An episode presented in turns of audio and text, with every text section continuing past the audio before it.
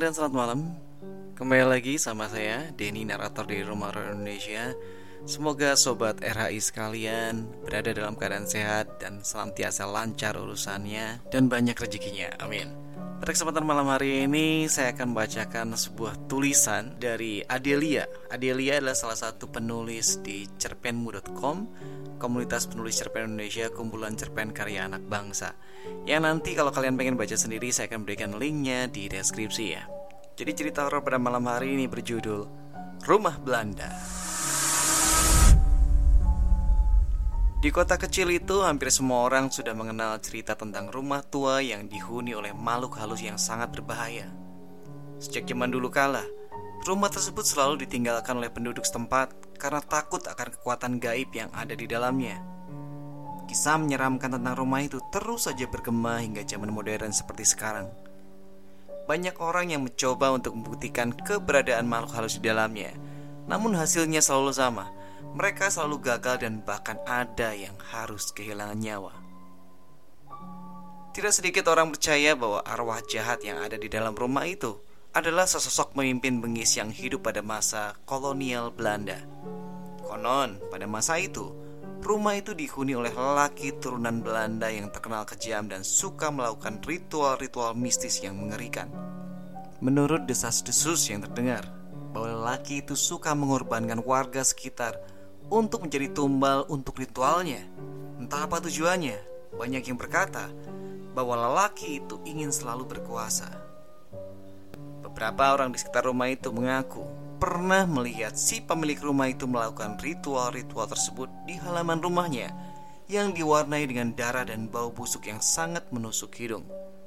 Konon, ia memanggil arwah jahat dan mengorbankan hewan-hewan bahkan manusia untuk memenuhi keinginan gaib tersebut. Namun cerita yang paling terkenal tentang pemilik rumah itu adalah tragedi kematian yang menimpa dirinya sendiri. Jadi, pada suatu malam, pemilik rumah itu mendengar suara-suara aneh yang berasal dari dalam rumahnya. Ia pun mulai merasa takut dan panik, lalu berlari keluar rumah untuk mencari bantuan. Sayangnya saat ia berusaha kabur, tiba-tiba sebuah benda yang tidak terlihat menyeretnya masuk ke dalam rumah kembali. Ia berteriak histeris meminta tolong, namun tak ada yang bisa membantu. Tak lama kemudian, suara cerita dan tangisannya terdengar semakin redup dan akhirnya menghilang. Saat ditemukan keesokan harinya, pemilik rumah sudah ditemukan tewas dengan kondisi yang sangat mengerikan. Seluruh tubuhnya terpotong-potong dan tersusun dengan rapi di kamar utama. Sementara maaf kepala dan anggota tubuh lainnya ditemukan terpisah di berbagai sudut rumah. Sejak saat itu, banyak orang yang menganggap bahwa pemilik rumah itu menjadi korban dari makhluk halus yang selama ini disembahnya.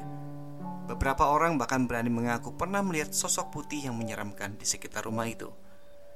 Ada yang merasa mendengar suara cerita lelaki, bahkan ada yang merasa ada yang memperhatikan mereka dari balik jendela, dan ada pula yang merasakan hembusan nafas dingin di lehernya ketika melewati rumah itu di malam hari. Hingga saat ini pun pihak yang berwajib menyarankan agar menghindari rumah ini.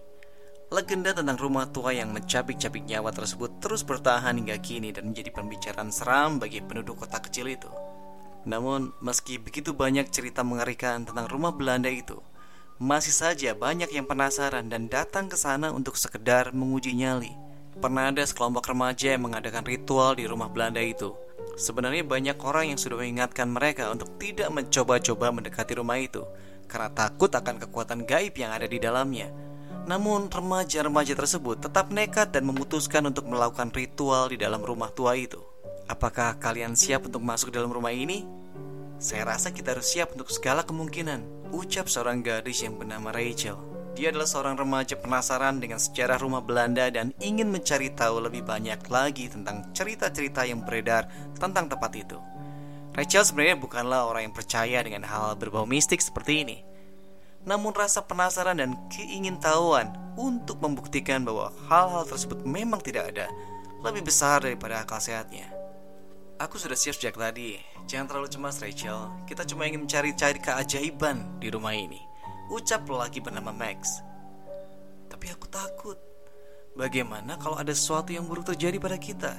Balas Emily. Dia adalah sosok pemalu yang merasa terdorong untuk mengikuti petualangan ke rumah Belanda itu karena ingin menjadi bagian dari kelompok dan menjadi lebih berani. Namun dia merasa takut dan khawatir. Dengan mendengar bagaimana cerita warga tentang rumah itu, benar-benar membuatnya takut. Emily, jangan khawatir. Kita semua akan saling menjaga dan berhati-hati. Tapi kita juga harus tetap berani. Aku setuju dengan Max. Kita harus masuk dan melihat-lihat. Siapa tahu, mungkin kita akan menemukan sesuatu yang sangat menarik di sana. Ucap remaja lainnya bernama Ben. Baiklah, aku akan membuka pintunya. Siapa yang ingin masuk pertama? Setelah masuk ke dalam rumah Belanda, para remaja itu mulai mengeksplorasi setiap sudut rumah tersebut. Mereka menyusuri lorong-lorong gelap dan berdebu, mengamati furnitur dan perabotan sudah tua dan usang. Ada beberapa kamar yang terkunci dan mereka berusaha untuk membuka pintunya, namun tidak berhasil. Semakin jauh mereka menjelajahi rumah itu, semakin gelap dan misterius suasana yang tercipta. Tiba-tiba mereka mendengar suara aneh yang berasal dari ruangan sebelah. Ada suara pintu yang diketuk-ketuk, dan mereka saling menatap dengan tatapan takut dan waspada. Tanpa berbicara, mereka bergerak perlahan-lahan mendekati pintu yang tertutup. Saat Rachel membuka pintu itu, mereka melihat seorang wanita berpakaian putih berdiri di hadapan mereka. Wanita itu tidak mengucapkan sepatah kata pun, dan tatapan matanya terlihat kosong dan membeku. Para remaja itu merasakan ada sesuatu yang tidak beres dengan wanita itu dan seketika mereka semua merasa ketakutan. Saat mereka berusaha untuk mundur, pintu tiba-tiba tertutup dengan sendirinya, meninggalkan mereka dalam kegelapan dan kesunyian yang mencekam. Tak lama kemudian, mereka mulai memanggil arwah jahat yang ada di dalam rumah itu. Mereka menyanyikan mantra-mantra mistis dan menyalakan lilin-lilin yang menyala di sekitar mereka. Namun, ketika ritual itu sudah berlangsung selama beberapa saat, tiba-tiba terdengar suara aneh yang berasal dari dalam rumah. Suara itu semakin lama semakin keras dan membuat para remaja merasa ketakutan. Mereka berusaha keluar dari rumah, namun pintu yang tadinya terbuka tiba-tiba tertutup dengan sendirinya dan membuat mereka terjebak di dalam. Saat itu mereka merasakan kehadiran sosok-sosok jahat yang menghantui rumah itu dan mulai merasuki tubuh mereka. Para remaja tersebut panik dan berusaha untuk keluar, namun pintu yang tadinya terbuka tiba-tiba tertutup dengan sendirinya dan membuat mereka terjebak di dalam.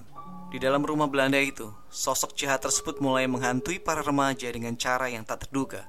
Mereka merasakan kehadiran sosok-sosok jahat yang mengerikan dan merasuki tubuh mereka. Para remaja tersebut merasa kehilangan kendali atas tubuh mereka dan merasakan rasa takut yang luar biasa. Sosok jahat tersebut juga menunjukkan tindakan yang sangat mengerikan dan menakutkan. Mereka merasakan suara-suara aneh, ketukan pintu yang tak terduga, bayangan-bayangan hitam yang melintas, dan bahkan ada yang melihat sosok hantu atau makhluk mengerikan yang muncul di depan mereka. Suara teriakan terdengar begitu menyakitkan dan mengerikan. Suasana gelap rumah itu serasa menelan jiwa. Para remaja tersebut merasa seperti dikejar dan diancam oleh sosok jahat yang tak terlihat, yang membuat mereka merasa semakin takut dan bingung. Mereka merasa seperti tidak bisa berbuat apa-apa untuk menghentikan kehadiran sosok jahat tersebut sehingga membuat mereka terus berada dalam ketakutan dan ketidakpastian. Setelah berjuang dengan ketakutan dan kebingungan, mereka akhirnya berhasil keluar dari rumah itu dengan kondisi yang sangat mengenaskan. Beberapa dari mereka mengalami trauma psikologis yang parah, sementara yang lainnya bahkan kehilangan nyawa. Kejadian tersebut menjadi peringatan bagi semua bahwa tidak ada orang yang bisa mengalahkan kekuatan gaib yang ada di dalam rumah tersebut. Kisah horor ini menjadi pembicaraan hangat di kota kecil itu dan menambah rasa takut bagi penduduk setempat. Oke, itulah akhir dari cerita horor kita malam hari ini. Semoga itu bisa menghibur kalian. Sampai ketemu di cerita berikutnya. Selamat malam, selamat beristirahat.